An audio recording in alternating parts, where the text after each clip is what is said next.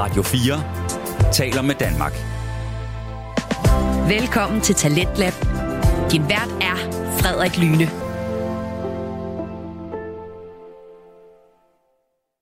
God aften og velkommen til Talentlab her på Radio 4. Talentlab er på stedet, hvor du kan høre Danmarks bedste fritidspodcast.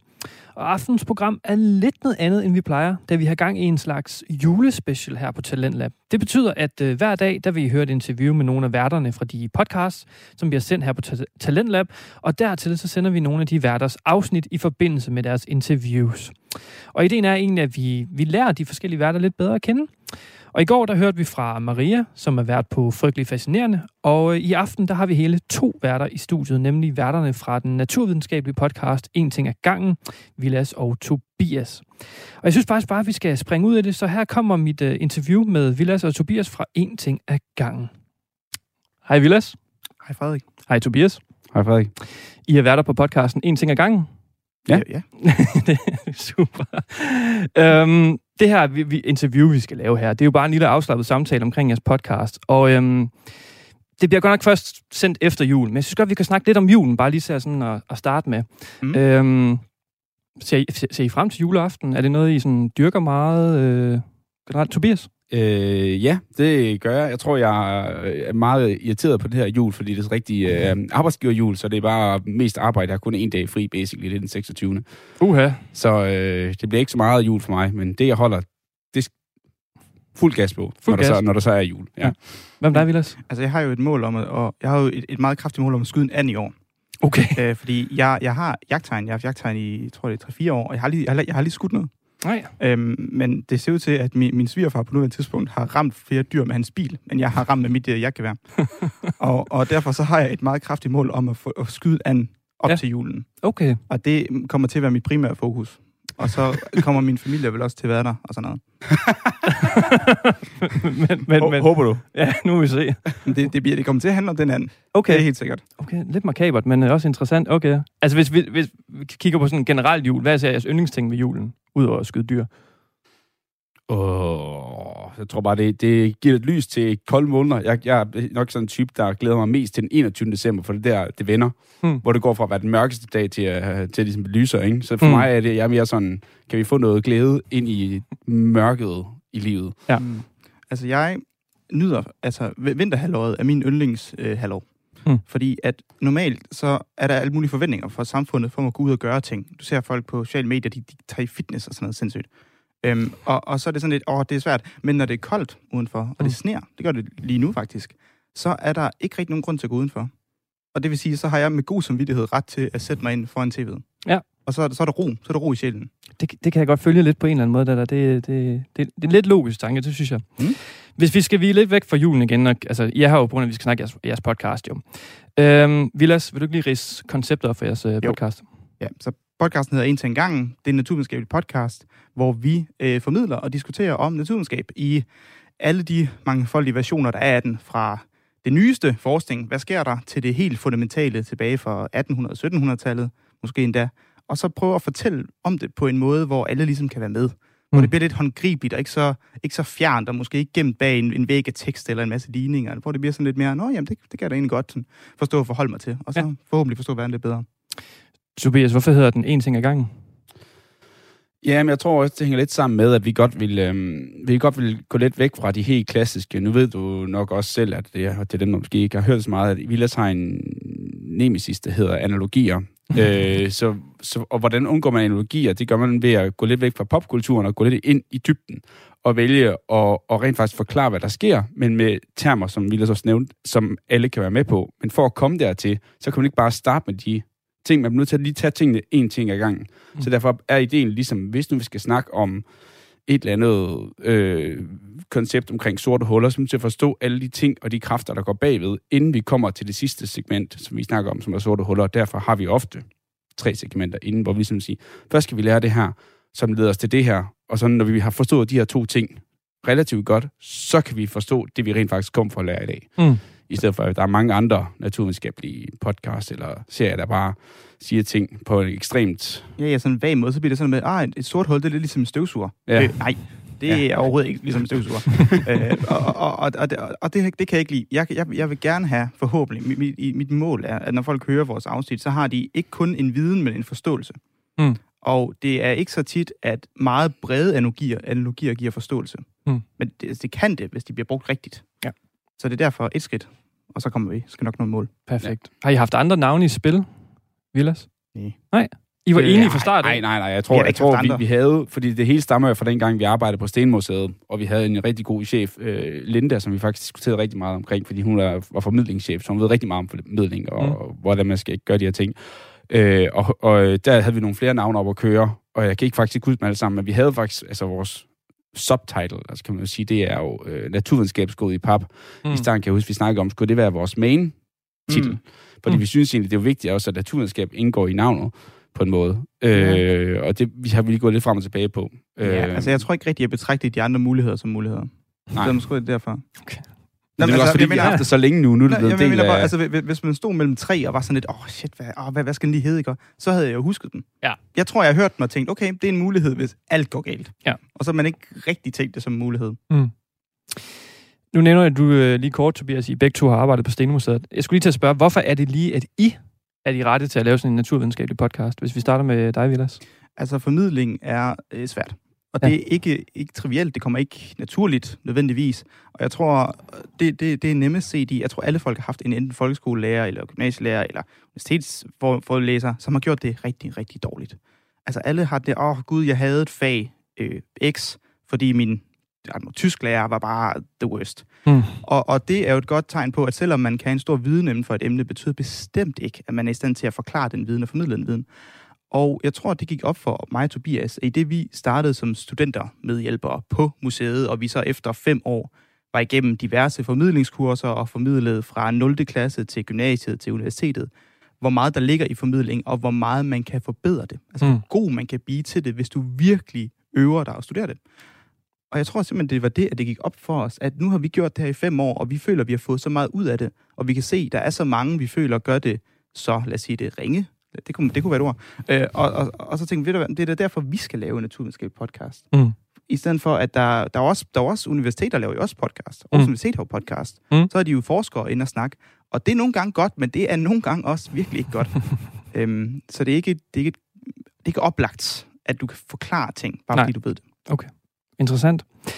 Hvis vi lige øh, går tilbage til julen, bare lige, fordi øh, vi, vi er jo i juletiden, så jeg synes vi lige, vi skal snakke om det. Øh, I har jo formået at kombinere jeres podcast-koncept med, med julen, blandt andet i afsnittet om julefrokoster, hvor I kommer, det, kommer omkring det der med at drikke sig fuld, hvordan det sker, og dertil kommer I også omkring tømmermænd. Har I nogle andre juleafsnit i, i år? Det har jeg faktisk. Øhm, det, jeg kan huske, sidste år, der lavede vi, øh, var det, hvorfor, vi lavede også en om Bethlehem-stjernen, kan jeg huske. Ja.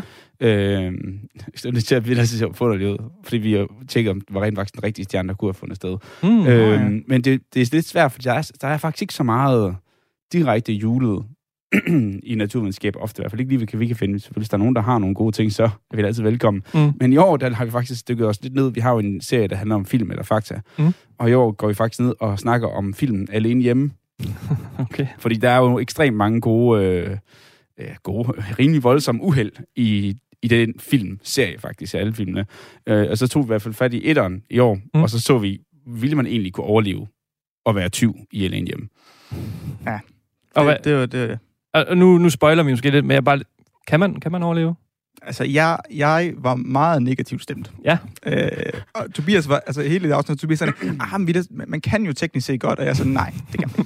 Det kan du jo ikke. Altså, du, du, altså, og jeg tror, vi konkluderede, at hvis alt går perfekt, og lad os sige, de, de professionelle stuntmænd, det er de Ja. ja. måske også i virkeligheden faktisk, og de lander ideelt, hver gang de falder, så vil de maksimalt have 40 minutter at leve i, Mm. før, altså hvis de ikke kommer på intensiv i 40 minutter efter den sidste skade, så er det, så er det lost. Ja, okay. Det, og det, så er du virkelig gavmild. Så er du virkelig, altså de, de har stærke knogler Mm. mm. og alt, alt det der. Ja, okay. Øhm, Ja, de er rimelig heldige at være i live, kan man sige. ja, det vil jeg sige. Det vil jeg sige. Og kommer der så en Alene Hjemme 2 på et tidspunkt, måske næste år, eller... Ja, det kunne godt være. Ja. Nu må vi se, hvordan, om folk synes om det her, eller de synes, det var mega kedeligt. Det, er Okay. også lidt, det er jo lidt, hvad, hvad folk også synes jo.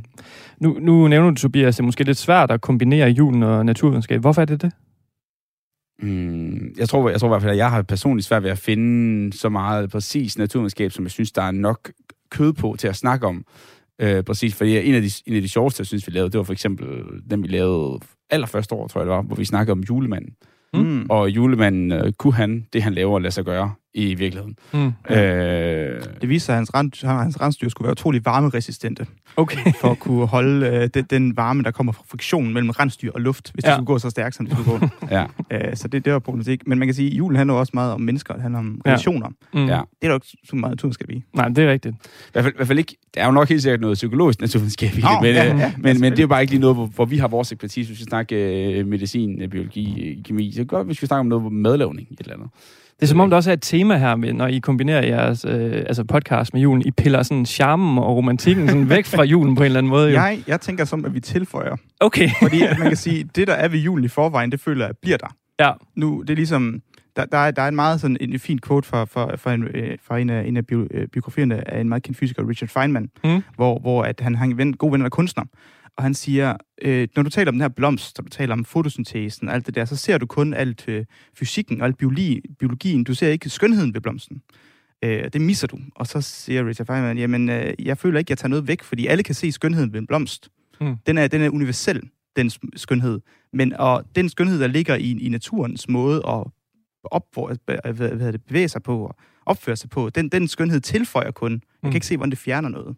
Nej, Så det giver et perspektiv, okay. Det fjerner ikke et perspektiv. Men det er jo så vigtigt, når vi så snakker om det, så også huske at fortælle om hyggen. Fordi man, Ja, kan jo ikke, ja. man kan jo ikke se en blomst, hvis man ikke fortæller om den. nej, Nej, nej, det, det er var- rigtigt. Fair nok. Øh, Vilas, du nævnte, der var, øh, der var flere natur, naturvidenskabelige podcast. Er det nogen, I er inspireret af? Nej. Overhovedet ikke? Jo, mm, nej. Det ved jeg ikke, det føler jeg ikke. Altså, altså jeg var, det var måske sådan lidt, fordi det, jeg var i hvert fald inspireret fra det, for det var, det er jo ikke, fordi jeg skal sådan sidde og tage credit, men det var jo mig, der kom til Villas tilbage i, Det er whatever it was, var det 19 eller i 20, og sagde til Villas, jeg har, jeg har en idé til noget.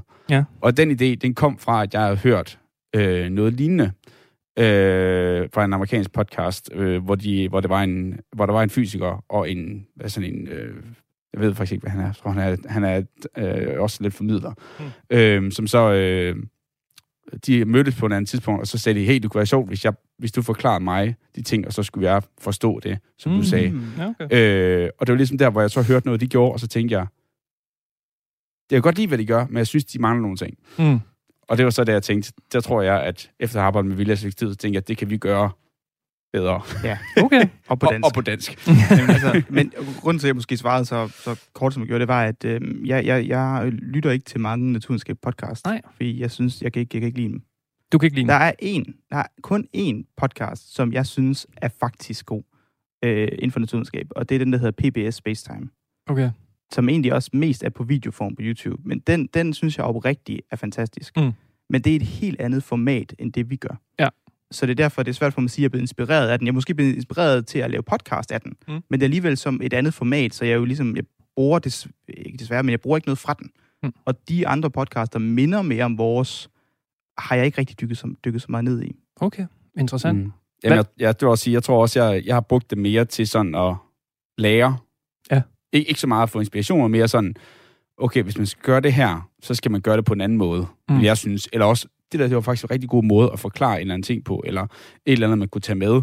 Øh, men jeg har sjældent brugt noget af det, som de har lavet emner om, eller noget. Okay. Det er mere sådan, hvis de har forklaret om et eller andet, som jeg synes var spændende, så er jeg sådan, okay, det gjorde de faktisk på en god måde, eller det der synes jeg ikke, det var godt nok leveret. Eller Nej. jeg føler, hvis ikke, fordi det var fordi, jeg sad med en naturvidenskabelig baggrund mig selv, så har jeg ikke fattet, hvad du har sagt. Mm. Hvad med ikke naturvidenskabelige podcast? Hvad lytter I til, Vilas? Og øh, altså, jeg, jeg er jo sådan af, af, af person en, en, en stor, stor nørd. Øh, så jeg lytter selvfølgelig udelukkende til Dungeons Dragon podcast. Okay. Okay. Okay, vildt nok. Ja. Yeah. Og dyrker du også selv uh, Dungeons and Ja, Dragons? faktisk rigtig meget. Åh, okay. Ja. Ja. Øh, jeg, jeg, jeg, jeg spiller to til tre gange om ugen. Okay. Ja, ja, det er virkelig en stor hobby for mig. Interessant. Okay.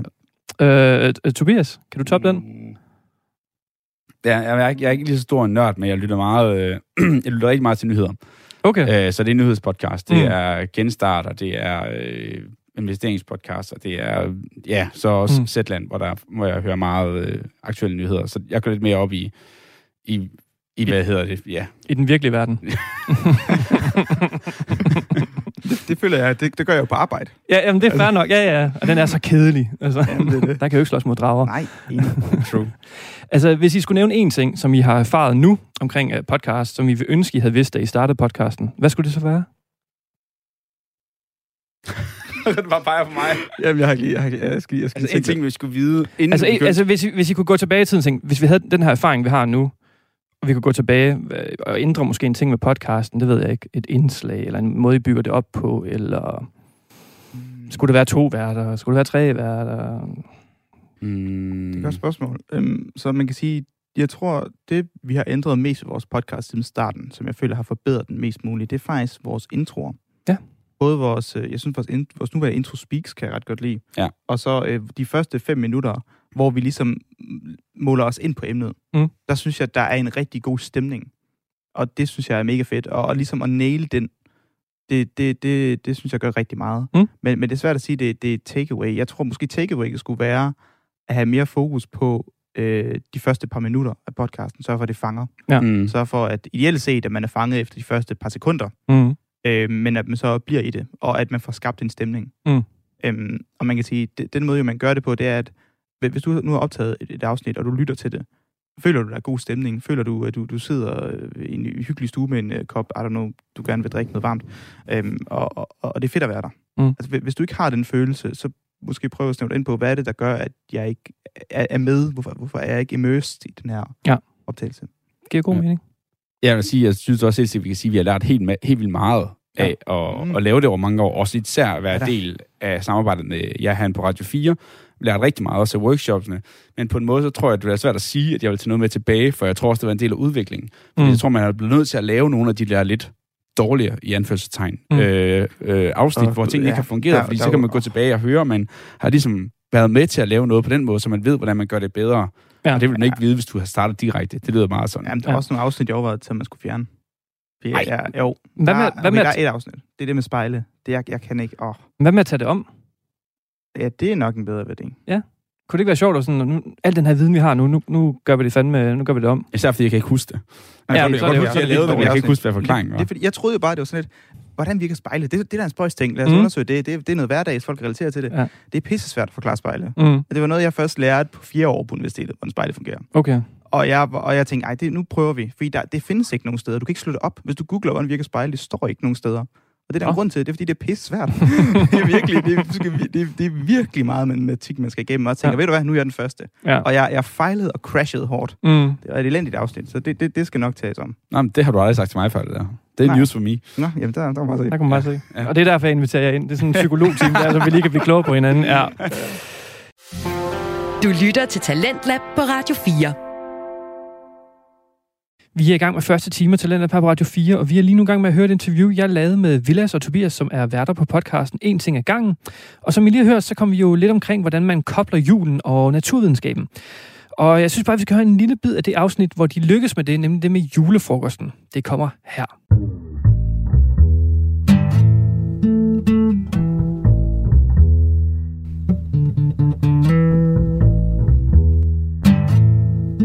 Lytter til En ting ad gangen med Vilas Lundsten Jacobsen og Tobias Mang Bjerg.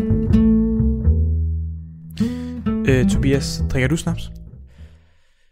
Jeg bliver desværre nødt til at sige ja. Okay, til dagligt? Nej, faktisk øh, sjældent. Faktisk kun i løbet af en bestemt måned. Ah, december. Ja. Og nogle gange i november, når der er nogen, der er... Og faktisk I også november? nogle gange i januar, hvis der er nogen, der er så pestelige, og så ligge en julefrokost i november eller Ah, januar. ja, okay, men det er fordi, det, be, hmm, det kan godt være svært at crampe alle julefrokosterne ind i december. Jeg synes, Ja. det bliver ofte lidt sådan, ah, nu holder vi det. Ellers holder man øh, tidlig påskefrokost eller sådan noget i januar. Ja, ja, så kommer det i stedet for. Ja, øh, alright, så, så du er sådan en, en, en, en, en højtids øh, alkoholiker, eller hvad? Ja, det er måske lidt hårdt at sige, men, øh, er men jeg synes, der er tit, der er en, der lige kommer og siger, har du set den her lækre snaps, jeg har lavet på øh, kastanje, Ja, ja, peanuts og Det er sjovt, øh, det er, jo, hindbær?" det er jo aldrig lækkert. Ej, Det er altid, det er altid et bait, synes jeg lidt. De der så snaps. sidder og tænker, det er en mega god idé. Altså, det kan vi sagtens. Så sidder man og tænker, Ja, hvor smager det dårligt. Og alle sidder jo altid, i hvert fald, jeg tror det er måske vores, jeg ved, der er sikkert nogle forældres generation, der godt kan lide at, at drikke det, bare sidde og nyde det, og sådan tage dem over i flere, fordi de bare nyder jeg det. knækker mig over. Men de kredse, jeg er stadig i, vi er stadigvæk sådan, du ved, man tager den, og den er iskold, for den har været nede i fryseren, ikke? Ja, det skal, så den smager som lidt som muligt. Så tager man den, og så sidder der bare otte mennesker klar med et eller andet ved siden af, som ja, kan de skylle skal, ned med. ja, præcis. Eller, eller sidder og, bider tænder. Eller hvad det hedder, sidder og laver grimasser. Alright, øhm, men vi, vi begynder jo at nærme os øh, snapsesæsonen, eller jul. Øhm, og Ja. det kan jo godt være hårdt for hovedet, tænker jeg. Altså, ja. nu tænker jeg tømmermand. Jeg synes især, jeg kan godt forstærke tømmermand, især hvis jeg begynder at røre noget, øh, berøre noget af det der spiritus. Ja, det kan sgu godt øh, gå rimelig galt, og øh, jeg, jeg ved da ikke, jeg var til julefrokost i fredags, så jeg havde faktisk sådan en i november. Jamen, du ser og, også frygtelig ud, du. Og tak, tusind tak. Vi optager på en mandag, så det var, øh, jeg ser altid frygtelig ud på mandag, Jamen, men, øh, men efter en julefrokost, så er man endnu mere frygtelig. Har, du, Ja. har du ikke nogen julefrokoster? Jo, jo, jo, jo. Øhm, det har jeg. Men jeg, jeg synes ofte, at jeg kommer ret hurtigt oven på, øh, på, på, på tømmermændene. Okay, For Jeg, plejer, jeg synes, jeg plejer at være god til at drikke en masse vand og spise en masse mad, før jeg går i seng, og så lige tage to penoliter før. okay. Og så har jeg det ofte skidt om morgenen, men lige omkring kl. 11-12, der begynder det at vende, og så har jeg det rigtig fint ved net to tiden. Okay. Så Men, det, det er ligesom øh, min remedy. Så, men, så, så hvad, hvad, plejer dine sådan, hvad plejer dine sådan symptomer at være, når du har tømmermænd? uh, øh, det er faktisk ofte svimmelhed. Ja, Det er rigtig meget svimmelhed, øh, og generelt sådan ondt i hovedet. Altså, øh, især tung i hovedet. Altså jeg kan mærke, jeg, jeg, jeg kan ikke tænke særlig godt. Jeg har prøvet nogle gange at arbejde dagen efter man er drukket, men jeg kan ikke regne overhovedet. nej. Altså alle udregninger, jeg laver, bliver forkerte. Det kan ja, slet ikke svare det sig. hele kører sådan lidt rundt, og man kan ikke Ja, rigtig fokusere. ja, præcis. øh, Jeg kan ikke rigtig fokusere. Øhm, jeg kan godt have ondt i maven også, men jeg får ikke tit kvalme. Der er Nej. nogen, der, jeg ved, at min, især min storebror, han får sådan nogle rigtig, rigtig grimme øh, kvalmetømmermænd, der ligger og, med hovedet i toilettet øh, en til to dage efter. Okay, det er også, også voldsomt. Det er voldsomt. Øh, meget underholdende, men, men voldsomt. For alle andre end ham selv. Ja, bevares. Yes. Øhm, men, men så, så jeg ved, der er nogen, der, der ligesom har tendens til, til opkast Ja. øh, på dagen derpå. Men det har jeg dog ikke selv, Ja, så for- den, den slapper jeg fra. For mig, der tror jeg, at det meget er afhængigt af, hvad jeg drikker. Jeg ved ikke, om der er noget science bag det. Det kunne jeg ikke lige umiddelbart finde. Men jeg føler personligt, der er jo mange, der undersøger det, men jeg føler personligt, sådan noget som vin, det altid giver mig ekstremt meget hovedpine. Mm, er det så i blanding med i vin og øl? For det, Det det, kan det, det er jo en, øh, der er jo en tysk øh, ordsprog. Jeg kan ikke huske den, men den er der. Og hvad hedder det? Så er Det er noget en med... god anekdote allerede. Jeg Jamen, jeg kan ikke huske det. Sådan noget med... øh, Jeg kan ikke huske det. Men, men øl og vin, så er alt fint. Vin og øl, øh, så går det galt. Så, hvad? Jamen, det er noget med rækkefølgen. At man siger, at hvis du drikker vin og så øl, Så går så er det det enten godt slags skidt, og hvis du drikker øl og så vin, så er det Okay, så er der en anden rækkefølge, der er rigtig, men vi ved Jeg kan, det jeg kan ikke huske, hvilken det er. Og der er det jo meningen, at man skulle kunne en smart ramme, så man vidste, hvilken man skulle holde sig fra. Ja. Men desværre den rammes på tysk, hvilket vil sige, at der er ikke nogen, der kan den, udover folk. Men altså, hvis nu du er dansk, så giver det god mening, du har øl og vin, så er alt fint. Ja, men det var noget, fandt på lige nu her. Jeg, okay. ved, ikke, jeg ved ikke, om det er sådan, der. Men, men, men, men det der med, at når man blander nogle alkoholstyper, Ja. så siger man ofte også, åh, oh, i går der drikker det her og det her. Og kombinationen har givet mig tømmermænd. Ja. Men det ved jeg ikke, om der ligger noget bagved. Nej, men det kan være, at vi kommer lidt mere ind på det øh, undervejs jo, fordi at, det var det, jeg ville tænke på, at øh, nu er der mange, der kommer til at opleve det her. Der er selvfølgelig også mange, der øh, ikke kommer til at opleve, hvis man ikke drikker. Øh, men vi ved i hvert fald, at mange i vores omgangskreds, og nok også nogle af dem, der lytter til i den her podcast, nok kommer til at tage tit på juleforrester, og måske kommer til at få en snaps for meget, og så kommer man til at have det lidt dårligt dagen efter. Så øh, jeg tænkte, at vi skulle snakke lidt om, hvad det egentlig sker, når man drikker alkohol, mm. og øh, hvorfor man egentlig får tømmermænd, og så måske komme lidt ind på, om der findes en anden kur. Ja, det vil, tror jeg, der er ret mange, der vil Altså, være meget interesseret altså, du kom jo allerede med tre gode bud. Hvad var det, du sagde? Noget mad, noget vand, og så to panodiler, inden du går i seng. Yep. Det er Villa Certified. Vilas Certified. Fedt.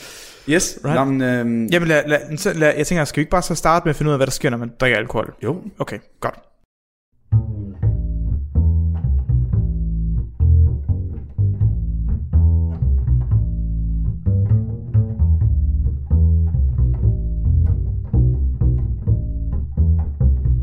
Okay, Vilas, når jeg sidder sådan og læser lidt op på det her, nu har man i min uddannelse, og det jeg laver, der har vi ret mange mange af de mekanismer, der sker her at gøre, men det er altid interessant, synes jeg, at læse videnskabelige artikler, når det omhandler de her ting her, fordi de skal skrive om det at have tørmænd, og det at blive fuld på en meget savlig og professionel måde.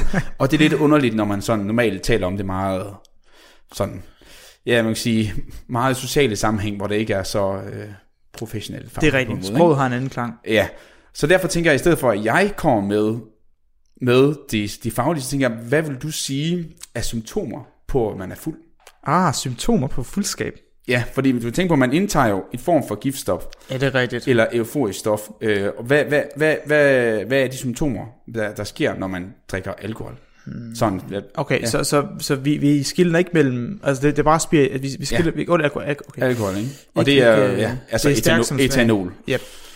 Hmm, ja, og det første, jeg tænker, det er, at der må blive frigivet nogle, øh, hvad hedder det, nogle endorfiner af en art, eller dopaminer. Altså, jeg mener, der, der må, der må, jeg tror, der er nogle glædes øh, der bliver frigivet. Ja, så man bliver glad. Ja, du kommer i Yes. godt humør. Øh, Der er noget eufori. Ja, præcis. Lige præcis, det er rigtigt. øh, som der kommer. Øh, hmm, jeg, jeg hører også ofte det der med, at man ikke, at man, at man, der ikke kommer noget filter på, når man snakker. Så mm. det der med, at man, at man på en eller anden måde, øh, at, man, at man re- reagerer mere på følelser øh, med handlinger uden øh, omtanke. Så at man er mere reaktionær, i stedet for øh, omtænkende. Ja. Øhm, det tænker jeg også er en form for, form for bivirkning. Mm, hvad mere? Du, bliver, du må helt sikkert også miste balanceevnen. Det må blive værre. Yes. Det må også være et symptom. Ja. Mm, så tror jeg også, at man godt... At, man, at det er også et symptom at skrive til sin ekskæreste. Men jeg skal lige se. Øh, ja, det er nummer finde den? 4. Er det nummer 4? Ja, Nå, ja, ja, men det ja, tænker jeg nok. Den, var, den, øh, det tænker jeg nok var der. Og så nummer 5, det er at ringe til en. Uh, yes. Ja, og glemme det dagen efter. Ja, nummer 7 er fortryd. ja. Alright, um, okay. Back to the gate. Er der andet? Hmm, så svimmelhed og dårlig balanceevne. Måske talehæmmelse. For jeg synes også, der er måske noget med sproget også. Yes. For når man hører fulde folk taler, så lyder det ikke, det er ikke Nobelprisværdigt. Oftest. Altså, øh, kan du, kan du huske uh, Uffe Elbæk, dengang han uh, fik mega mange uh, stemmer for det valg? ja, det var, det er for vildt der. ja, det var Jeg tror, ikke, sjovt. øh, jeg tror ikke, at han var øh, helt ædru der. Nå, Altså, altså, er det crazy eller Ja, sådan det er crazy der. Det var, ja. Det var, ja, det var med sjovt klip. Men ja, ja så der, øh, talecenteret må på en eller anden måde blive ramt øh, af en, øh, også. Men det er jo en generel forgiftelse af hjernen, så de fleste funktioner, som de hjernen tager sig af, som kropslig bevægelse, øh, tale og tænkning, bliver jo forværret. Lige præcis. Så det er jo egentlig hele systemet, der er under angreb. Øhm, altså, der er der også nogle folk, hvis det bliver helt skidt, man har hørt om folk, der bliver super, super fulde, og så tisser i bukserne. Så der mister så en form for blærekontrol. Lige Eller præcis. generelt Det var faktisk det en, det er en af de eneste, jeg lige manglede. Det var faktisk rigtig vigtigt pointe. Det er faktisk mangel på blærkontrol. Men hvor, hvor, hvor, hvor, mange mangler jeg? Mangler jeg masser af Nej, nej, nej. Du, du, har, du har faktisk været inde over de tre store, som jeg vil Okay, snakke om. super, fordi super. mange af de ting, du har nævnt, du snakker om eufori, Ja. og så mange af de ting, du nævnte med sløret og snak, og, og mangel på koordination, og de der hukommelsesfægter, og skrive til sin eks, og sådan nogle ting. Og så, ikke? Det hører egentlig under den generelle kan man sige, kategori, der hedder, at alkohol har en, er det, man kalder sløvende stof, mm. eller depressant, som det hedder på engelsk. Det vil sige, det sænker aktiviteten af hjernen. Mm. Så generelt alle ting i hjernen bliver lige sl- sløret, og det gør jo nemlig netop, at alt bliver ja, mindre aktivt på en måde. Ikke? Så ja. man, og det jo kommer til at gøre, at man ja, får den her sløret snak, og man kan ikke gå så godt. Og især det med mangel på koordination, det er at især lillehjernen, hvor man har vores øh, balancecenter, det er ekstremt øh, sige, sensitivt over for øh, alkohol også, så man mister meget hurtigt balancen også, hvilket også er derfor, at man ikke kan cykle, eller man skal være på, når man går i trafikken og sådan noget. Ikke? Ja, ja. Og især, øh, man bliver også langsommere til at reagere, hvilket er derfor, man skal lade at køre bil også. Øhm, og så altså som, at man også blacker out, hukommelsesvigt og sådan nogle ting der. Man er sandsynlig for, at man falder over, og til sidst altså, bliver det så sløret i hjernen, at du simpelthen besvimer. Også en mulighed, hvis du drikker rigtig, rigtig meget af alkohol. Øhm, ja, og så øh, er der også det med, at øh, det kan være det, der hedder diuretisk. Og det er det, du sagde, mangel på blærekontrol. Ah, ja. Øh, og, det, og det skyldes faktisk, øh, og nu kan jeg sige, at jeg har læst lidt op på præcis, hvad det er. Så man siger, 50 gram alkohol, hvis du over en, en halv time, det er Det relativt meget. kort tid, drikker 50 gram alkohol, jo, det svarer cirka til fire genstande. Okay. Øh, det er også meget på en halv time. Øh, i, hvis du drikker 50 gram alkohol i cirka 250 ml vand, altså en kvart liter vand, det er cirka et glas vand, ikke? Det er også en rimelig voldsom chat. Men det er for at sige, så vil du efterfølgende skulle øh, tisse i stedet mellem 600 til 1000 ml. Til betragtning af, at du kun har indtaget 250, så vil du øge din urinproduktion med tre gange så meget af det, du rent faktisk har indtaget. hvis det giver mening. Det giver utrolig god mening. Mest fordi det relaterer så meget til, når man, når man først begynder at drikke nogle øl, for eksempel på en bar, så føler man lige pludselig, shit, man skal på toilettet hele tiden. Yes. Partyblæren. Partyblæren, ja. Yes. Øhm, og, det, og det sker egentlig, og det synes jeg var lidt interessant. Nu skal det jo også, i stedet for at jeg bare siger ting, som der sker, så skal man have det forstå, forståelse af, hvorfor er det, man så altså, skal tisse mere. For det er ikke noget, der er decideret er, er øh, passende med alle de andre ting. Det skyldes, at vi har et, produ- øh, et, et hormon, der bliver produceret fra en, en, øh, en del af hjernen, der hedder øh, neurohypofysen, øh, som er en meget lille del af hjernen, som, øh, øh, som der producerer en masse vigtige hormoner, som vi bruger i, i kroppen til at regulere rigtig mange ting. Øh, og det her ADH, det står for antidiuretisk hormon. Og diuretika, det er antidiuretika. Diuretika, det er ting, der styrer vores urinproduktion, og hvor meget vi skal tisse. Mm. Øh, og, øh, og, det, og, det, og det foregår jo i nyren. Det er det, nyren den gør, blandt andet. Det er med til at filtrere blod fra, og så øh, smide overskydende væske ud i, øh, i, øh, ud til blæren, så vi mm. kommer af med det. Ja. Og inde i, inde i den her filtrerings, der bliver vi så, ligesom, alt kommer igennem, men får vi ikke smidt alt vores væske ud, skal vi ligesom huske at genoptage noget. Og det gør det her antidiuretisk hormon, det påvirker øh, indsættelsen af nogle forskellige kanaler, det hedder aquaporiner. Øh, og det kunne næsten godt, altså jeg tænker en pore, det er ligesom noget, der kan åbnes på, måske, måske en porin, det er sådan en, en kanal, der åbner, og så aqua, vand. Ja.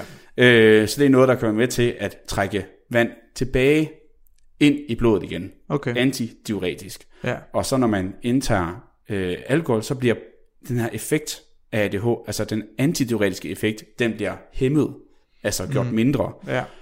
Og hvis man hæmmer noget, der allerede er anti, så får man det, altså ligesom minus, minus gange minus giver plus, ikke? Den har jeg hørt om, ja. Yes. det var godt at høre. og på den måde, så bliver man så, får man ikke genoptaget så meget blod, eller ikke så meget vand til blodet, og så tisser man mere. Ja. Øhm, så på den måde er det diuretisk, kan man sige, at drikke øh, alkohol. Og det er også en af de ting, altså alle de ting, vi har snakket om her, det er også noget af det, som der kan gøre, at vi får de togmand, vi skal snakke om senere. Mm. Øhm, men en ting, jeg også lige skal sige, det er, fordi definitionen på, hvornår, hvorfor man egentlig bliver fuld, det er egentlig, ved du, Vilas, hvor, hvordan vi nedbryder alkohol? Eller har du hørt noget om det? Mm, jeg kun... Nej. Jeg Eller kun hvor det foregår, Ja, jeg eller? ved, jeg ved, det sker i leveren. Mm. Øh, og det er derfor ofte hører, at hvis folk har lever, dårlig lever, eller leverskade, mm. eller sygdom i leveren af en eller anden art, så skal de ofte fraholde sig alkohol. Yes. Det er lige præcis rigtigt, fordi leveren er sådan lidt, men når man, når man begynder at have om det her i mange forskellige fag, så finder man ud af, at leveren har sindssygt mange jobs. Altså det er, det er virkelig sådan, hvad kan man sige, viseverden i Ja. kroppen, ikke? Ja. Altså ham, der skal fikse alt nærmest. Altså, øh, Eller hende. eller hende, ja. Øh, der skal fikse stort set alt i kroppen. Øh, og så er det blandt andet også at omdanne alkohol til et ikke skadeligt stof, som vi ligesom skal udskille. Øh, så det skal omdanne alkoholen til noget, der er acetataldehyd, og så derfra om til, øh, op til acetat. Og det acetat kan vi så udskille øh, efterfølgende. Øhm, og øh, det kan ligesom gøre med en bestemt rate, og den rate, den er bestemt per person, og det er ikke noget, der er størrelsespecifikt eller noget som helst, det er bare per person, det er afhængig af, hvor aktiv det her, de her enzymer er i leveren. Øh, og det kan være forskelligt fra person til person. Øh, men så snart, at du, hvad kan man sige, øh, indtager mere alkohol, end din lever kan nedbryde, så bliver du fuld, fordi du begynder at få et overskud af det her alkohol, der ikke kan blive nedbrudt, og så ender det med at cirkulere i, i, i blodet og komme ud til alle steder i kroppen, ikke? og man får de her symptomer, som vi snakker om før. Øhm, og det er for eksempel også derfor, at, hvad vil sige, hvordan kan man så sige, hvis du har, har, du, set, har du drukket alkoholfri øl før? Har du prøvet at få det før? Det har jeg faktisk. Jeg, jeg har faktisk øh, en hel kasse stående ude i køkkenet. Og, øhm, Det er mest fordi... Er det jeg, 0,0? Øh, måske. Ej, Det tror jeg faktisk du, ikke, de er. Du er ved at sige det, noget. jeg, jeg, jeg tror, det er meget lavt. Jeg tror, det er sådan 0,01 eller sådan noget. Det er, meget, altså, det er ikke 0 det er bare meget lavt. Mm. Øh, men det er fordi, jeg kan rigtig godt lide at drikke øl, når jeg laver mad. ja, Og det gider jeg ikke rigtig gøre. Jeg gider ikke drikke øl i hverdagen. nej. Hvad mener det er fredag? Det er også en hverdag. Øhm, men øh, så derfor så tænker jeg, ah, så er det bedre med alkoholfri øl, når jeg står og laver mad, og så kan jeg gemme de rigtige øl til, når jeg øh, er til sociale sammenhæng. Den kan jeg godt følge dig i. Mm. Men i hvert fald, så som du siger, det kan godt være, nogle gange kan godt være 0,1, og nogle gange kan de jo bare sige, at det er under 0,1 eller andet. Og grund til det er, det er simpelthen fordi, at det er så lavt, at du aldrig nogensinde når, alkohol når aldrig nogensinde kommer ud i blodet, fordi din, din lever kan nå at omdanne det hele, inden det kommer ud i blodet. Yes. Så det vil sige, at den der tærskel af, hvor hurtigt leveren kan omsætte det, den, den når den ikke at bryde. Mm. Og det, det siger man så, for jo, fordi så skal du drikke det så meget, ikke? fordi du basically skal drikke øh, 10 af de der øl der, for at få det der svar til en genstand, eller ja. mere. Ikke? Altså, ja. Så er det så meget, at du når aldrig at få en påvirkning.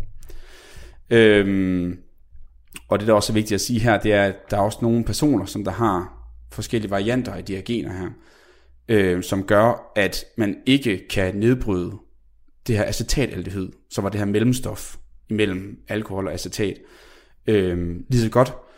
Øh, og det øh, øh, og det sker blandt andet i, øh, i mange, opstår mange i asiatiske populationer, og giver, øh, sådan, har givet rise til det her koncept, eller man kalder det, det hedder Asian Flush. Jeg ved ikke, om du har Ja, hørt jeg det før. hørte, at folk bliver sådan røde i huden. Lige præcis. Og det er simpelthen fordi, de får den her, det, det er et bi- biprodukt af, at de får et ophobning af det her acetaldehyd. Mm, okay. Øhm, og øh, det her, det burde jo normalt være noget, der forsvinder rigtig, rigtig hurtigt, og meget sjældent vil man se meget af her acetaldehyd, men vi kommer også til at snakke om mere, når vi kommer til at snakke om tømmermænd. Mm. Men det betyder også, at hvis man har de her genvarianter her, så får man også meget slemmere tømmermænd, end, end andre vil gøre. Fordi det her ophobning af acetaldehyd, det er ikke noget, der er bestemt godt for kroppen. Nej, okay. Øh, yes. Øhm, ja, og øh, sidste ting, jeg også vil sige, der er ud over den her måde, man kan nedbryde det, så er der også en, en, en anden metode, øh, man kan nedbryde alkohol på, som er en, man kan regulere i leveren, hvis man indtager alkohol i lang tid, altså kronisk alkoholindbrug. Altså, men, altså over en aften, eller over, Nej, nej, over, over lang, over, flere over dit år. liv? Altså, Okay. jeg vil sige, hvis du, hvis du drikker alkohol hver dag, hver dag, fordi så, så til sidst vender kroppen dig til, det er noget, vi får hele tiden, kan vi, kan vi øge nedbrydelsen af det her alkohol, så vi ikke, så det ikke er så toksisk for os hele tiden. Og så kan det, har det et andet system, det kan bruge til at, øh, som jeg ikke vil komme yderligere ind på, men det er det, som der nogle gange er det, der gør, at alkoholikere kan have en meget, meget højere tolerance, og kan drikke sindssygt meget mere, end, mm. end, end, end normale mennesker kan gøre Ja, ja, ja. øh, og stadig ikke blive fuld. Okay, men, men det er sjovt, det, det giver lidt mening, for jeg sad og tænkte på, at efter, uh, uh, da, da vi havde den store nedlukning, øh, coronanedlukning, så da jeg første gang var, var på en fredagsbar igen, så kunne jeg godt mærke, Det store fredagsbarfrielse. ja, det er en øh, heldig dag for mange, Øh, men, men der kunne jeg bare mærke, at der, der er så lige prøvet at, du ved, der var, jeg synes ikke rigtig, der var ikke rigtig nogen grund for mig til at ligesom, drikke øl under nedlukningen, Mm.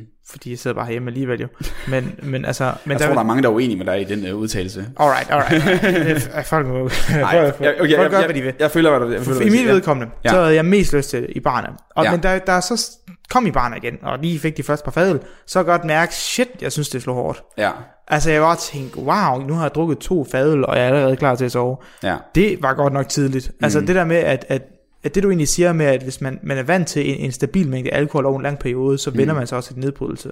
Hvor at når du så holder en lang pause, jamen så sker der vel det modsatte igen, så bliver du Ja. vel uvendet til det. ja Så stopper den afvendet. Er helt sikkert, det er jo rigtig bedre ord end uvendet. Afvendet. Og ikke Yes. uvendet. Wow, det er godt, jeg kan dansk. Men, øh, men ja, det er du helt ret i, og der er også en, en ekstra hypotese omkring det her, der generelt også gælder andre stoffer, at man generelt, hvis du er, stopper med noget i en lang periode, så får du en meget højere påvirkning af det, og du kan måske være vant til at tage et bestemt mængde af noget, og så er det det, der gør dig glad, eller det, du opnår din eufori, eller hvad det nu er. Øh, men så fordi du har ventet et halvt år, så tænker du, jeg kan stadig tage det samme, men det kan man ikke, fordi der er gået et halvt år, og det kan være mm. mange forskellige ting at gøre det, og det er ofte det, der gør, at mange øh, hvad hedder det, narkotikamisbrugere, de overdo- overdoser, øh, får en overdosis, det er fordi, det måske går for lang tid, og så tænker de, at de kan tage det samme, som de har gjort før, mm. og så fordi du tager det relativt kort tid, det er meget svært at få det ud af kroppen igen. Hvis du drikker for meget, så kan du gøre hvad? Kan så op. Lige præcis. Ja. Øh, og det kan du ikke rigtig gøre, hvis du nu har indtaget noget direkte ind i blodet, for eksempel, ikke? Ved for Nej, eksempel klart. injektion eller stift noget, så kan du ikke få det ud igen. Så en overdosis er rimelig svær at komme ud af, men du kommer på hospitalet relativt hurtigt, ikke? Ja, okay, på den måde. Øh, så det, det, det, det giver rigtig god mening, at, øh, at man mange oplever det der. Og det er jo det samme, hvis du drikker kaffe første gang efter et halvt år, så bliver du også meget kvik af den kaffe efter et halvt år. Jeg synes faktisk, at, eller min fornemmelse er faktisk ikke, at der skal gå så lang tid igen. Jeg føler, at hvis jeg ikke har drukket kaffe i en uge eller to, og jeg ved ikke, om det er rigtigt, men det er min opfattelse. Ja, Altså, så synes jeg egentlig, at, at jeg egentlig ret hurtigt vender mig til ikke at være koffein Hvad, altså, tigger for Ja, koffein. ja, det er rigtigt. Jeg, jeg, ved, jeg ved ikke, hvilke, hvad, hvad, hvad studierne siger om, at, at om der Ja. faktisk for de fleste mennesker skal gå et halvt år til et helt år, Ja, før det, man faktisk der, det, behøver, resetter. det behøves der ikke. Det behøves der ikke. Øh. Øh, men, men, men det er også lidt, det er lidt en anden, det, er- det er lidt en anden molekylær mekanisme, der sker Ja. med, med præcis øh, kof- koffein. Men, øh, men, men ideen er det samme, at der er mange mekanismer i kroppen, der ligesom, man vender sig til nogle ting, og det, om det er så nogle enzymaktiviteter, eller hvad det er, eller om det er nogle, på, nogle receptorer på overfladen af celler, der kommer flere eller færre af, det kommer vi også lidt ind på senere. Men det, Okay. det er stadig en del af, at kroppen laver hele tiden en afbalancering af, hvad får vi ind i kontra, hvordan fungerer vi normalt. Og når vi så står med at få noget ind, så skal vi ligesom regulere til en nyt Ja, standard. helt sikkert. Helt sikkert. Ja. For jeg tænker også, at i virkeligheden, så skal kroppen jo prioritere nogle ting. Altså den bruger energi og ressourcer på at enten lave en frasortering eller, eller en eller anden bearbejdning, men altså den skal jo vælge sin kampeagtige. Altså hvis den vælger at prioritere rigtig meget nedbrydning af alkohol, mm. så bruger den vel også mere energi, end den havde brugt før, eller også så producerer den vel mindre af noget andet, eller sådan noget. Altså jeg tænker, det er vel altid en balancegang. Det er jo ikke, altså det er min opfattelse, så derfor giver det også mening, at hvis du holder op med at øh, drikke meget alkohol i en periode, så hvis kroppen skal ikke blive ved med at arbejde på at nedbryde det her stof, fordi det er bare spild energi, Ja. Øh, eller også skal den nu begynde at nedbryde noget andet, fordi din kost eller drikkevarer nu er anderledes, så noget andet, der er prioritet, altså op, op på grund af det. Ja, ja, og sådan, ja, lige præcis. Og sådan er det også med mange ting, som eksempel hvis du begynder at træne, eller stopper med at træne, eller øh, spiser meget af en, en ting, eller ikke noget, noget andet. Det kender og jeg godt. Ja, det, der det, der med at stoppe med at træne. Ja, det kender jeg rigtig godt. Det gør jeg Og også. starte igen, og så stoppe igen, og så, og så starte. Det er faktisk min yndlingsdel af at træne. Jeg elsker faktisk at stoppe med at træne. Det er en af mine store prioriteter. Ja, fedt. Øhm, jeg har faktisk stoppet med træne lige nu. så jeg glæder mig rigtig meget til at starte igen, så jeg kan gøre det samt til januar. Fedt. Alright, tidsspring. Øh, okay, så det vil sige, nu har vi lidt en idé om, hvordan du bliver nærmest forgiftet jo, når du Ja. drikker alkohol. Er, er det så næste så at forstå, hvad der så sker når, i forhold til tømmermænd? Ja. Altså, hvordan får vi Hvad så sker de der, her... når du stopper med at drikke alkohol? Ja, ja. Når, det, når, tænker. når, når festen er slut, øh, Ja. dansehullet bliver lukket, de tænder lyset, man, man skammer sig, man går hjem, alt det der. Man ser på den, man har danset med, og tænker, Wow, det Ja. var et, et valg, Ja. der blev taget. og, og vedkommende kigger nok på dig og tænker, og tænker sikke et valg, jeg fik taget der. det samme. Ja. okay, øh, alle fortryder. Ja. Så man, man kommer hjem, og, og man, man lægger sig, man vågner op og har det øh, ringe. ja. Skal vi, skal, vi, skal, skal, vi, skal vi tale om det? Ja, lad os gøre det.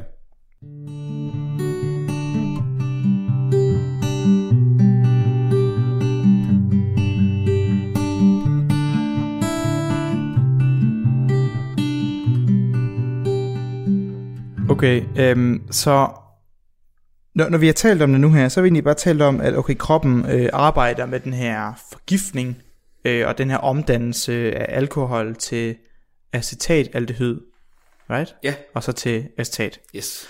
Øhm, men når vi taler om på den måde, bare sige, okay, så det her stof skal vi omdanne til det her og sorteret fra. Øh, hvordan kommer vi så ind i alt det med tømmermændene? For jeg tænker, det er jo alt det, der ikke er blevet sorteret fra. Det, der så er kommet ud i blodet og kommet rundt og har forgiftet øh, diverse dele af kroppen. Hvor, hvor, hvor, hvordan kommer tømmermænd ind i det her billede så? yes. Eller, eller hvad hedder det? Ja. Ja, så der er faktisk, øhm, der er faktisk lidt mange lidt forskellige ting. Altså man, man ved præcis, altså man ved ikke præcis, hvorfor man får tørmænd, og som du siger, der er mange forskellige. Når man ved det ikke.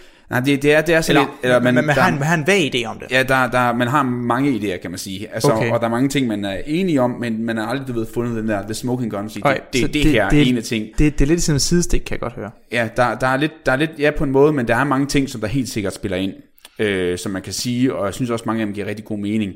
Øh, man kan starte med at sige, at, at det der med, at når man skal definere, hvad, hvad tørmænd egentlig er, igen, det skal vi også på en, på en, på en, på en savlig måde, ikke? så siger man, at tørmænd starter et par timer efter man står med at drikke, men piker, når blood alcohol level, altså den promille, man har, øh, rammer 0. Mm. Og så kan den fortsætte op til 24 timer efter det. Så Okay. når, når folk har andendags tørmænd, så kan det godt være, fordi de er fulde indtil klokken 4 dagen efter. Eller indtil klokken 4, altså hvis nu er drukket til klokken 4 om natten, så kan Ja. du godt være fuld stadigvæk. Ja, et ja, godt stykke præcis. tid efter. Ja. Og så når rammer 0, og så 24 timer efter, for eksempel. Okay, så bare lige, tømmermændene slå, er, er slået ind fra, når du rammer 0 og frem. Nej, det, det, Nej, det er indtil. Nej, to-tre timer efter du stopper med at drikke. Ah. Der starter tømmermænd normalt. Altså det kan, okay. godt, det kan godt variere selvfølgelig. Yes. Øh, og det grund til, at man siger det, er fordi, at i princippet så sker tingene undervejs jo selvfølgelig. Men fordi du er i gang med at drikke mere, så, så er du ligesom i gang med at gøre det hele værre, og så kan man sige, at du ikke kan man sige, øh, oplever det så meget, som når du er færdig. Og ofte, to-tre timer efter du står med at drikke, ligger du ofte og sover. Så Ja. ofte oplever man det dagen efter. Klart på den måde. Yes. Øhm, så de symptomer, man kan sige, der er, det er, som vi snakker om, du nævnte allerede nogle af dem, men de er jo meget forskellige. Så der er det der med generelt, at man føler sig svag, og man er tørstig, og så er der forskellige s- s- smerter, man kan føle. Det er hovedpine og ondt i muskler og ting og sager, og så kan man også have noget med sin, med sin maveregion. Altså, man kan blive- have kvalme, og man kan øh, kaste op og få bare ondt i maven generelt også. Ja. Øh, og så er der nogle ting, der relaterer til, at man sover dårligt. Øh, fordi man sover mindre, du går for sent i seng, du bryder din normale søvnrytme. Det er sjovt, jeg har også lagt mærke til det, at nogle, øh, det ur, jeg har, er sådan et smartwatch, og det, øh, hvad hedder det mon- monitorerer også din øh, søvnrytme og tendenser. Ja.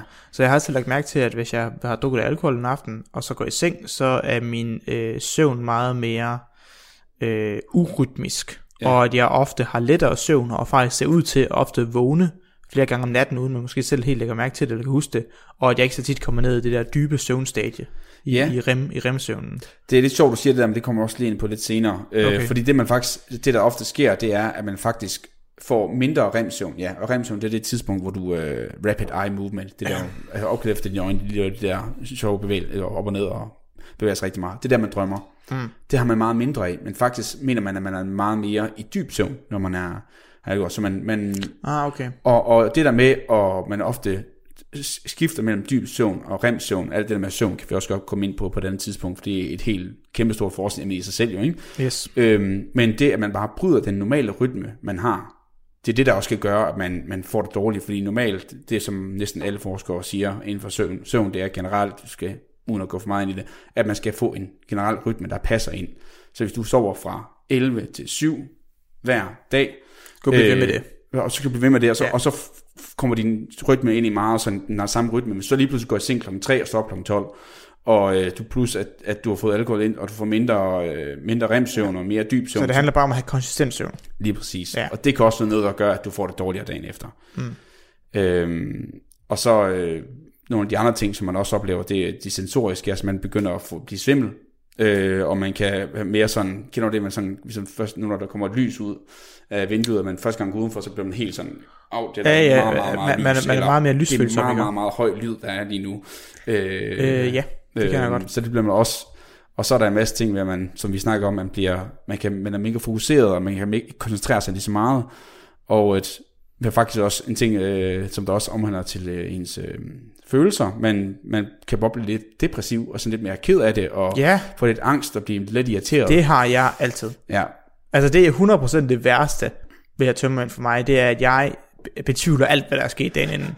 Jeg er sådan, der er sikkert, også fordi jeg, ja, nogle gange kan jeg også godt have tendens til sådan en blackout lidt, eller ikke, eller ikke Ja. huske ting så tydeligt. Jeg, altså jeg kan huske de der overordnede ting, men så sådan, "Ej, jeg kan alligevel ikke huske detaljerne. Hvad fanden var det egentlig, vi snakkede om, Ja. mig og den der person?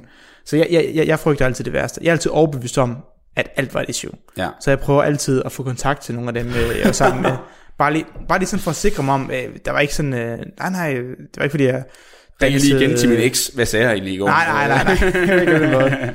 Men jeg plejer lige lige tale med dem, så, Nå, du ved, tak for i går, og sådan, øh, lige sådan sikkert, der, øh, der skete ikke øh, noget øh, vildt, eller øh, noget, vel? Og så sagde jeg, nej, nej, vi sad og hyggede, så, åh, godt nok, godt nok. Så er det bare mig, der husker forkert, så. Så er det bare mig, der, så kan jeg sove igen. Yes. Men, men jo, så den der lidt sådan ængstlige øh, tilstand, man kan Ja. ja. have dagen efter, den, den kan jeg i hvert fald godt genkende. Nice. Eller ikke, nej, ikke nice. ikke nice. ikke nice. Faktisk det modsatte er nice. Øh, men det, det Tak, viser jo bare, at, øh, at det egentlig passer, kan man sige. Øh, Bestemt. og så sidst men ikke mindst, så er der også en masse ting, der, øhm, der relaterer til, at vores hjerne er på overarbejde. Øh, hvilket gør, at man kan faktisk også nogle gange ryste lidt på hænderne, man kommer til at svede lidt meget, meget nemt komme til at svede, og man kan måske mærke, at ens hjerte banker, altså rigtig hjertebanken, øh, og sådan ting. Og så faktisk, det er jo ikke sjældent, at man får det mål, men så ofte vil man se, at man også har et forhøjet blodtryk. Øhm, så, og det er jo alt sammen ting, der er skrevet ned på meget savlig vis, men når man siger det sådan på en bestemt måde, så kan man godt selv, håber dem, der sidder og lytter, godt kan det Ja, genkende godt, til mange ikke af lidt de her mere. ting her. Ja, jamen det, no- noget af det, det har jeg egentlig også oplevet for tid til anden. Yes. Så nu sidder man og tænker mange af de her ting, hvad kommer det egentlig af? Så altså, hvad er årsagen af det? Og det kan man nemlig også lægge dem ind i forskellige kategorier, fordi der er nemlig den ene, kan man sige, der er en direkte effekt af alkoholindtaget.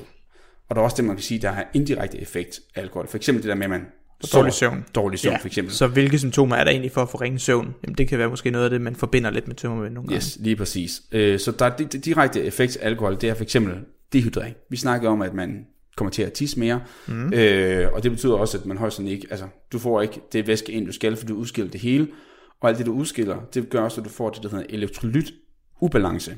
Og elektrolytter, det er jo mange af de ting, altså alle de der øh, na- natrium og calcium, magnesium og mange af de ting, som der er vigtige for mange øh, processer. det er derfor, man ofte har lyst til salt bagefter. Yes. Øh, og det bliver også udskyldt i, i nyren i, i for høj grad, når man gør det her. Man bliver udv- udvandet de her her, og det gør mm. også, at man, man er i underskud af dem her. Ja. Øh, øh, og det kan også være med til at påvirke, hvordan man har det dagen efter, og være med til, at man bliver øh, tørstig og får lyst til salt og sådan ting.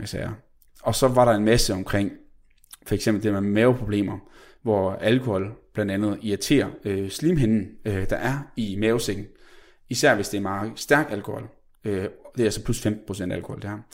Øh, Nå, øh, øh, for, forstyrrer det så ligesom ens mavesyre, og det kan give anledning til sur opstød og kvalme? Lige præcis. Det er både, det er både øh, at, at, Sådan. at, det simpelthen kan forstyrre hinden, fordi der er sådan et, der er sådan et, øh, et, et, et, et hindelag, som der er med til at gøre, at, at vores, øh, vores mavesæk, den ikke nedbryder sig selv, på grund af, at den producerer mavesyre. Ikke? Ja, så der skal ja, ja. ligesom være en hindelag, der er meget basisk, som der ligesom kan holde for, at vi ikke øh, nedstår selv. Og den kan blive forstyrret af alkohol. Ja, for du, du forstyrrer jo egentlig syre-base-balancen, Yes. fordi det er jo en alkoholiker, så det er jo Ja. ja. en base. Alkohol holder baser, tror jeg. Der må, jeg, der må jeg være helt ærlig. Jeg er ikke sikker på, det det, men jeg ved i hvert fald, at alkohol stimulerer produktionen af mavesyre. Mm, kroppen okay, også. ja, ja. Øh, så det er jo med noget, der er endnu mere til at gøre det.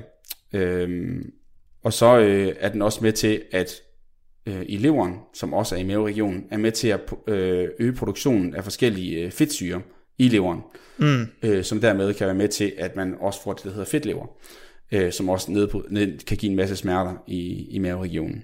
Okay. Øhm, og sammen med det her, så øh, med at man får fedtlever for eksempel, så kan det også resultere i, at man får øh, en lav blodsukker. Hvilket er derfor, man også ofte har lyst til at spise noget og få noget, få noget ind. Øh, og det gør man, fordi at når den er fedtlever, så bliver den mindre øh, god til at producere glukose. Fordi vi har en masse, vi har en masse glykogenlager, hedder det, i vores, fed, i vores lever. Og det bruger vi til at, hvis vi har for lavt blodsukker, så frigiver vi glykogen, laver det om til glukose og frigiver det til blodet, så vi kan få øge vores blodsukker. Og det bliver vi dårligere til, så derfor er også noget, der kommer med til at påvirke os dagen efter, fordi vi ikke har fået indtaget det, som vi gerne vil gøre. Ja, okay, på den måde. Ja. Øhm, og ja, så var der det med søvnproblemer, som vi snakker om, at man, at man, at man simpelthen påvirker sin søvn forskelligt. Mm. Så er der det med hovedpine. Og det, Ja. er, øh, og det er den, hvor der er mange, der er rigtig i tvivl. Fordi generelt så er mange, der har problemer med at finde ud af, Altså, vi har jo generelt svært ved, ved hovedpiner. Altså, Nemlig. nu, nu ved jeg bare, nu kender jeg nogen, der har migræne, for eksempel. Ja. Og det ved jeg, migræne er jo notorisk kendt for at være rimelig udokumenteret på meget vis. lige altså, præcis. Øh, man har nogle idéer om, hvis du har hovedpine i de og de områder, og hvis det den er en type smerte, så ja, ja. kan det der måske er være det her. mange forskellige typer af hovedpiner, Ja, ja. og, ja, præcis, og migræne er jo mere bare sådan et, et overblik over, at personer, som der har ondt i hovedet over en længere periode, Ja, øh, præcis. på en måde. Ikke? Men ja. det er jo ikke decideret, at når det er det her, der er galt. Øh, og på den måde er det jo mega svært at vide, hvad det skyldes.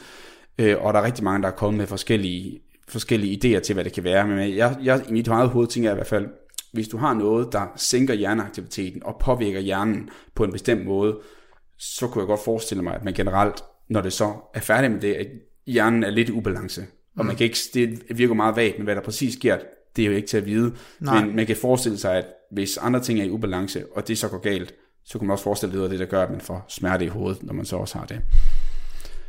Øhm, og så er der noget, der er lidt mere sådan relateret til, hvad kan man sige, alkoholabstinenser. Jeg vil sige, du, at du ikke får alkohol længere. Og det, Ah. det kan godt lyde lidt voldsomt måske, at Ja. ja. tænke alkoholabstinenser efter, efter at have drukket en gang.